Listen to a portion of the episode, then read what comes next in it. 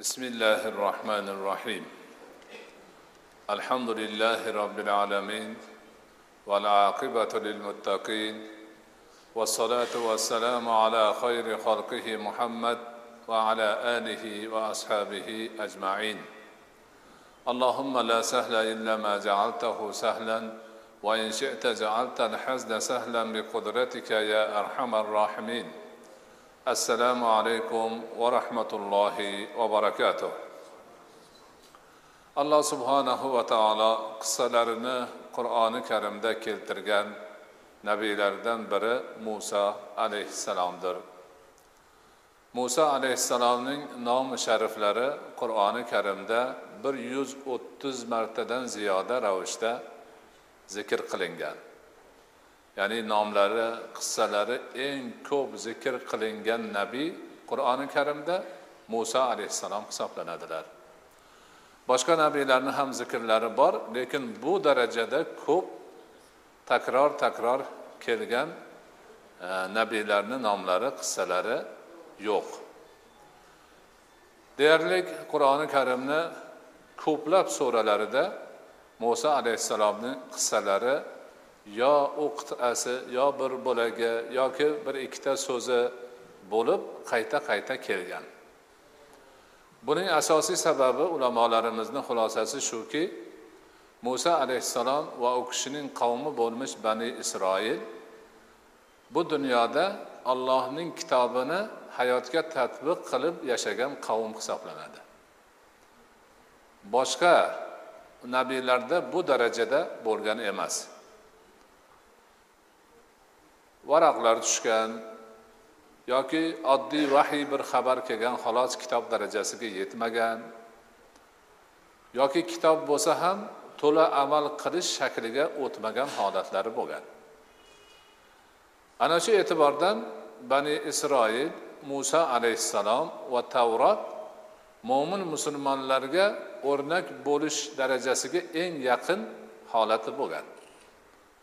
Shuning uchun ulardan o'rnak olish ularning mana shu boradagi ya'niki allohning kitobini hayotga tatbiq qilish borasidagi xatolarini takrorlamaslik kamchiliklariga yo'l qo'ymaslik ma'nolari bor uchun ularning qissalari ko'p kelgan takror takror kelgan batafsil kelgan boshidan oyoq kelgan.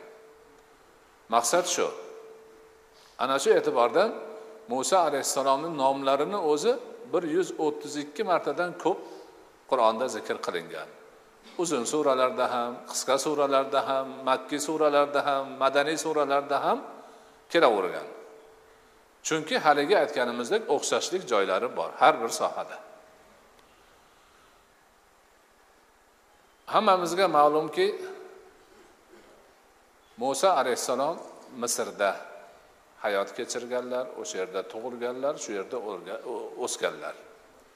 Qanaqa qilib bani isroilni katta nabiysi misrda tug'ilib u yerda payg'ambar bo'lib u yerda u kishiga allohni vahiysi kelishi mumkin degan savol bo'ladigan bo'lsa buni tarixi yusuf alayhissalomga qaytib boradi. Yusuf alayhissalom ana yoqub alayhissalomni o'g'illari isroil alayhissalomni ana bani isroilni asoschilaridan bittasi. Qissalarini o'tganimizda ma'lum bo'lganki akalari otalaridan rashk qilib quduqqa tashlab qo'yishganda bir karvon topib olgan ular misrlik bo'lgan misrga olib borib sotib yuborgan. Va o'sha yerda yusuf alayhissalom birovnikida xizmatkor bo'lib yurganlar keyin qissalarini o'tdik. Nabiy bo'lib e, misrni bosh vaziri darajasiga ko'tarilib hamma xazinalar u kishini qo'lida bo'lib ana akalari yurtlarida ocharchilik bo'lib qiyinchilik qahatchilik bo'lganda yordam so'rab kelib oxiri tanishib ota onamni ham qavmi qarindoshlarini ham olib kelinglar deganda yusuf alayhissalomni orqalaridan kelib joylashib qolishgan. Endi yoqub alayhissalom katta nabiy ko'chib kelganlaridan keyin u kishini ummatlari ham orqalaridan kelgan. Tanish bilishlar ham kelgan shu yerda qaror topishgan shu yerda demak e, maishat o'tkazish turmush tashvishlarini yengillashtirish uslublarini topganlaridan shu yerga kelib misrga joylashib qolishgan. Lekin baribir ular ozchilikni tashkil qilishar edi.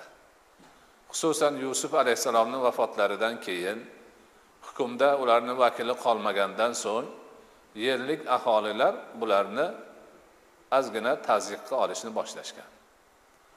Borib borib bir xudolik davosini qilgan fir'avn podshoh bo'lganda bularga juda ham qattiq zulm o'tkazishni boshlagan. Fir'avn degani qadimgi davrlarda misrga podshoh bo'lgan odamni laqabi. Hozir mana prezident deyishyapti bosh vazir deydi yana qandaydir nomlari bor davlat boshlig'ini. Ana o'sha fir'avn degani davlat boshlig'i degani. O'zi u odamni tug'ilganda ota onasi qo'ygan ism boshqa bo'ladi. Muso alayhissalomni davridagi fir'avnni nomi ramsis ikkinchi bo'lgan deydi tarixchilar. Lekin misrga podshoh bo'lishi bilan fir'avn deyilaveradi. Ana o'sha muso alayhissalomni davridagi fir'avn nihoyatda tug'yonkor odam edi zolim odam edi xudolik davosini qilib man ollohman xudoman deb hammaga manga ibodat qilinglar deb buyurar edi. Bu gaplari keyinchalik qissani ichida chiqadi. Shu bilan birga bani isroilga alohida qattiq zulm o'tkazar edi. Chunki bani isroil nabiy ko'rgan allohni ilohiy ta'limotini olgan shariatda yurgan oq qorani taniydigan zolimni odildan ajratadigan ma'rifatli xalq edi. Shuning uchun bulardan qo'rqar edi. O'zini xalqi o'sha shirkda yurgan butga cho'qingan nima qilsa qilgan ularni qayoqqa bursa o'sha yoqqa burilib ketaverar edi. Shuning uchun ulardan ko'ngli to'q edi lekin bani isroildan nihoyatda qo'rqar edi. Shuning uchun bularni ko'zini ochirmas edi. Turli zulmlarni qilar edi e, chora tadbirlarni ko'rar edi. Nima qilsa qilsinki bular bir erkin nafas olmasin bo'sh qolmasin. Ana mana shunday qilib borib borib borib nima bo'lsa ana shu o'zini hukmi o'zini xudoning davosi boshqasiga putur yetishidan qo'rqaverar edi.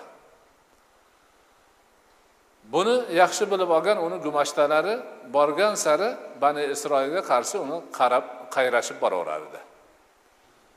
Bir vaqtlarda folbinlari aytdiki san xudosan misrni boshqaryapsan podshohsan biz fol ochsak ayon bo'ldiki shu bani isroilni ichida yaqin orada tug'iladigan bir bola sani boshingga yetar ekan.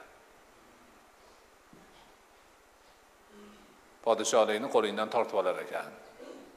O'zingni halok qilar ekan. Fol fol nima qilish kerak? Buning uchun endi shu bani isroildan tug'ilgan o'g'il bolalarni hammasini o'ldirib turish kerak. Uni qaysi birligini birov bilmaydi.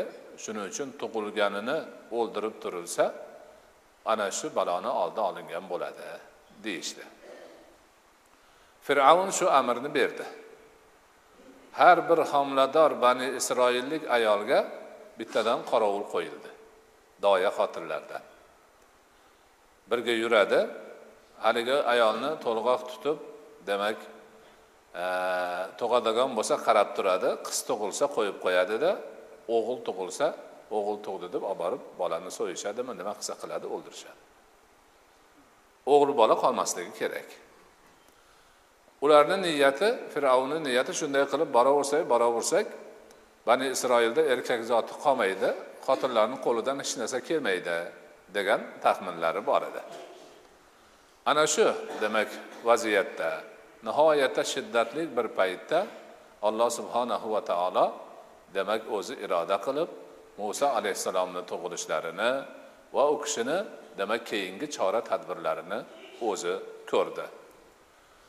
Bu haqida avvalgi aytganimizdek qur'oni karimda juda e, demak oyatlar ko'p lekin eng tartibli eng yaxshi bir vasf qilgan narsalar qasos surasida kelgan.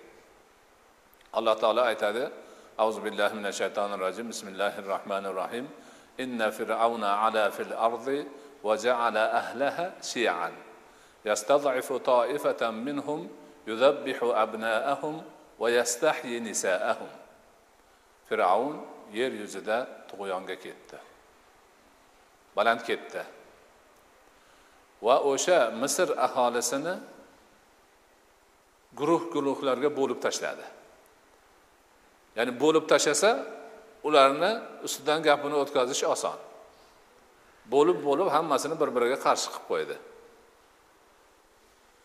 Ana shu bo'linganlardan bir toifasini zaifxon hisoblaydi. Bular bani isroillar. Bularni zaifxon hisoblaydi odam o'rnida ko'rmaydi nima qilsa qo'lidan kelganini qiladi zulmga istibdodga oladi. Ana yuzabbihu abnaahum o'g'illarini so'yadi. Yastahi nisaahum qizlarini tirik holida qo'yadi. Mana shunday holat yuzaga keldi. Keyingi oyatda alloh alloh taolo aytadiki lekin biz o'sha zaif hol bo'lganlarga minnat qilishni o'z ne'matimizni berishni istaymiz. Kelajakda ularni odamlarga imom yo'lboshchilar qilamiz. Yer yuzini ko'pgina narsalarga ularni merosxo'z qilamiz deb ezilib o'g'illari so'yilib hech narsaga yaramay turgan behol bani isroilga kelajakda alloh taolo ulug' va'dalarni qilyapti. O'zini rejasini avvaldan e'lon qilib qo'yyapti. Ana undan keyin fir'avn va uning vaziri homon va ikkovini demak askarlariga hamma hammasiga o'zlari qo'rqib yurgan narsalarni boshiga solishni ham alloh taolo va'da qilyapti. Ana e, shundan keyin ila ummu musa an deb biz musoni onasiga ilhom berdik qo'rqma uni emizovur dedik deydi. Demak o'shanday holatda muso alayhissalom tug'ilganlar. Tug'ilganlarida o'ldirolmay qolishgan haligilar. Qur'oni karimda yoki hadisda yo'q lekin tarixchilar aytadiki onasi homiladorligini juda qattiq yashirgan shunday yurgan. Keyin baribir bilib qolib o'sha doya xotinlar xabar olib tursa ham o'zini to'lg'oq tutganda ham bildirmasdan tannurga o't qo'yib turganda tuqqan deyiladi. Qo'rqqanidan shular o'ldirmasin deb bolani tannurga tashlasa o'sha o't olov bir gul bo'lib bolani qabul qilganda narigi poyloqchilarni ko'ziga hech narsa yo'q. Tannurda olov yonyapti bola qolgan. Endi bolani ushlab ko'tarib emizib yurishga ham toqati yo'q. Chunki haligilar ko'rsa darrov olib bolani parchalaydi yo'q qiladi. Hayron holat nima qilishini bilmaydi. O'zi tuqqan farzandi o'zi emizib boqishga imkoni yo'q. Ana shunda olloh ana muso alayhissalomning onalariga o'zi ilhom berdi. Ilhomda aytdiki emis qo'rqma. Agar uni joniga ozor yetishidan qo'rqadigan bo'lsang bir sanduqqa solda daryoga oqizib yubor uni sanga dushman bo'lgan manga dushman bo'lganlar o'zlari uchun boshlariga ofat sifatida olib o'zlari boqadi. Ya'ni bitta oyatda alloh taolo bir necha buyruq bergan bir necha vahiy qilgan va bir necha va'da bergan.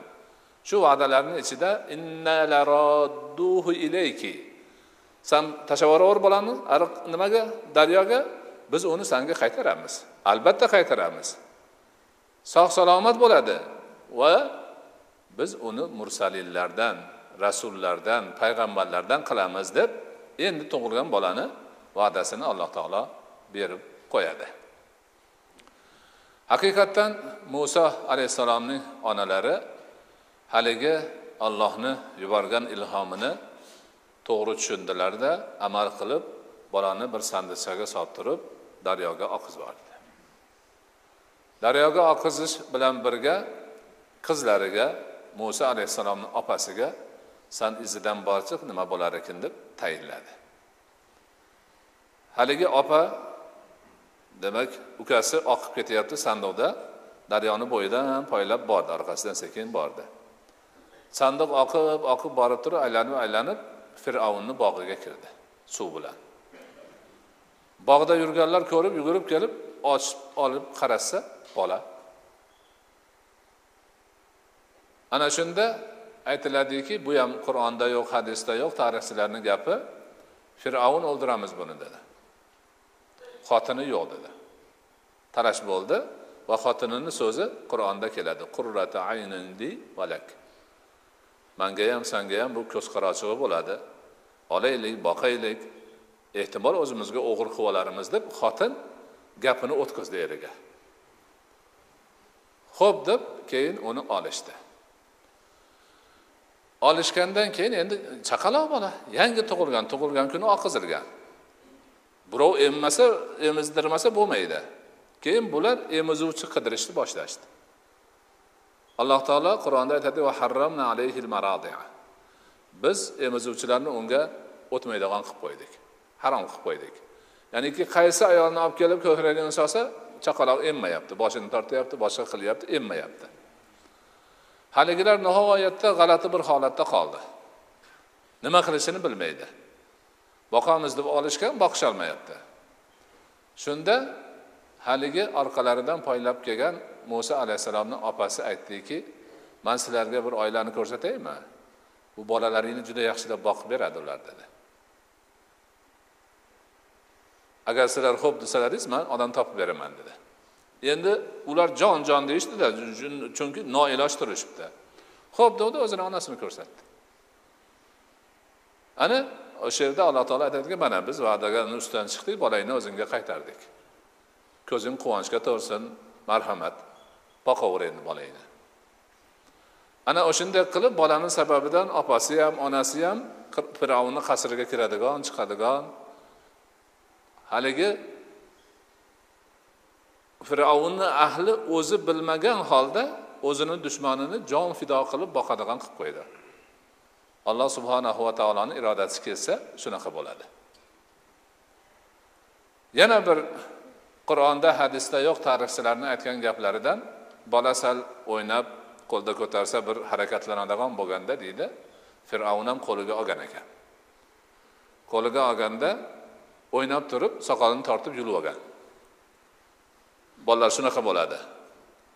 Yulib olganda u yana haligi shaytoniy hayol kelgan o mani boshimga yetadigan shunga o'xshaydi. Hozir kichkinaligidan boshladi bu.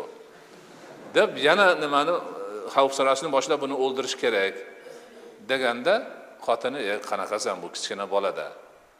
Hamma shunaqa qiladi. Buni aqli yo'q. Shunga ham shuncha dodvoy qilasanmi?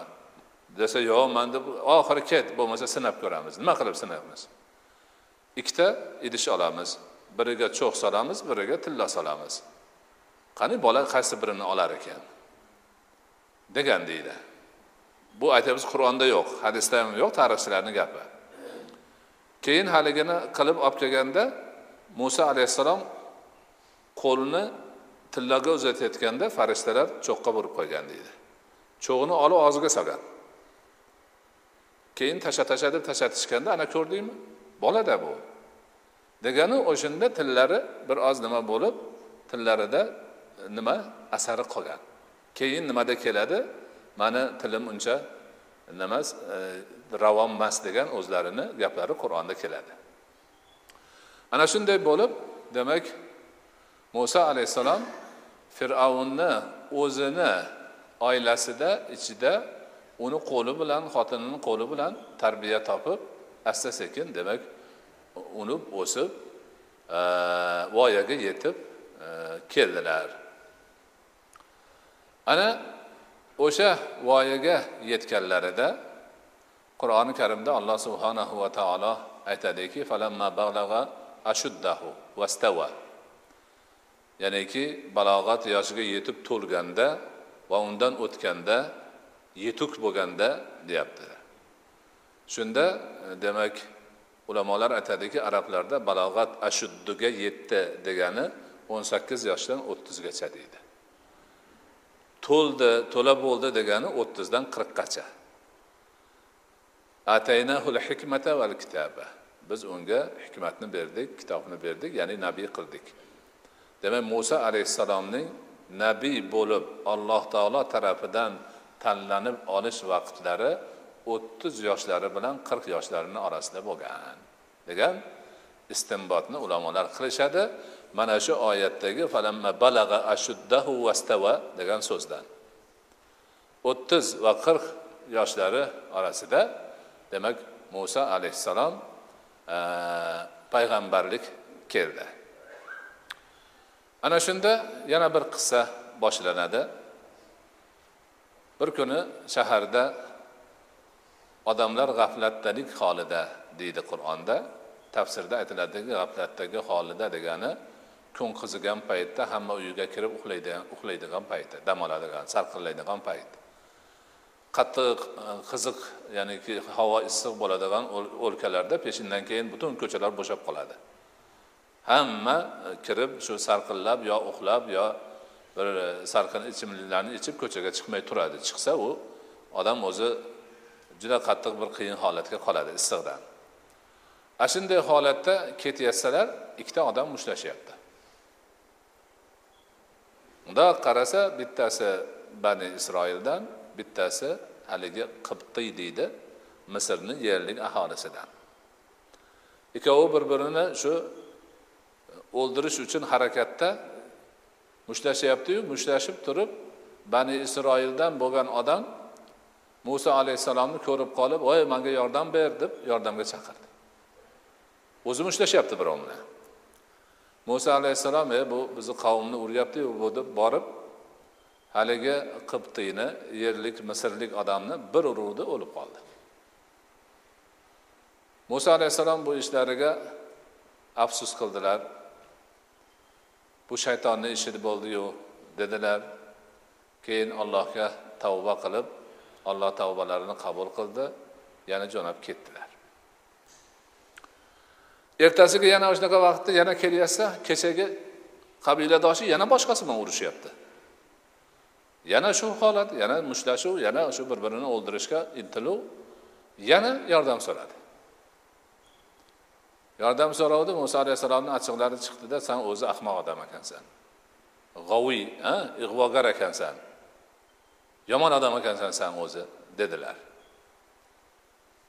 Haliginga tahdid qilib so'kkanlaridan keyin yana rahmlari keldida nima bo'lsa ham o'zimizni odami deb yana haligi dushmanga bir e, buni himoyasini qilib zarba berish uchun intilib qoluvdilar. Haligi mani so'kib turib manga kelyapti mani uradi deb o'yladida nima kecha odam o'ldirganingdaqa mani ham o'ldirmoqchimisan dedi. Kecha birovni o'ldiruvding. Endi bugun mani o'ldirmoqchimisan deb kechagi o'zini sababidan odam o'ldirilganini yashirin narsani oshkor qilib qo'ydi. Oshkor qilib qo'ydi. Ana o'shandan keyin demak xabar tarqadida muso alayhissalom xavf ostida qoldilar. Keyin o'sha bani isroilga qarshi bo'lgan ya'ni fir'avn ahlidan bo'lgan bir odam juda tezlab yugurib keldida muso san ehtiyot bo'lgin. Bizni qabila qavmimiz sani o'ldirish uchun til biriktirishyapti. Hozir maslahat qilishyapti. San demak chora tadbiringni ko'rgin deb haligi odam kelib xabar berdi. Ana o'sha demak xabar bergandan keyin e, nima bo'lganini inshaalloh kelasi suhbatlarimizda demak davom ettiramiz.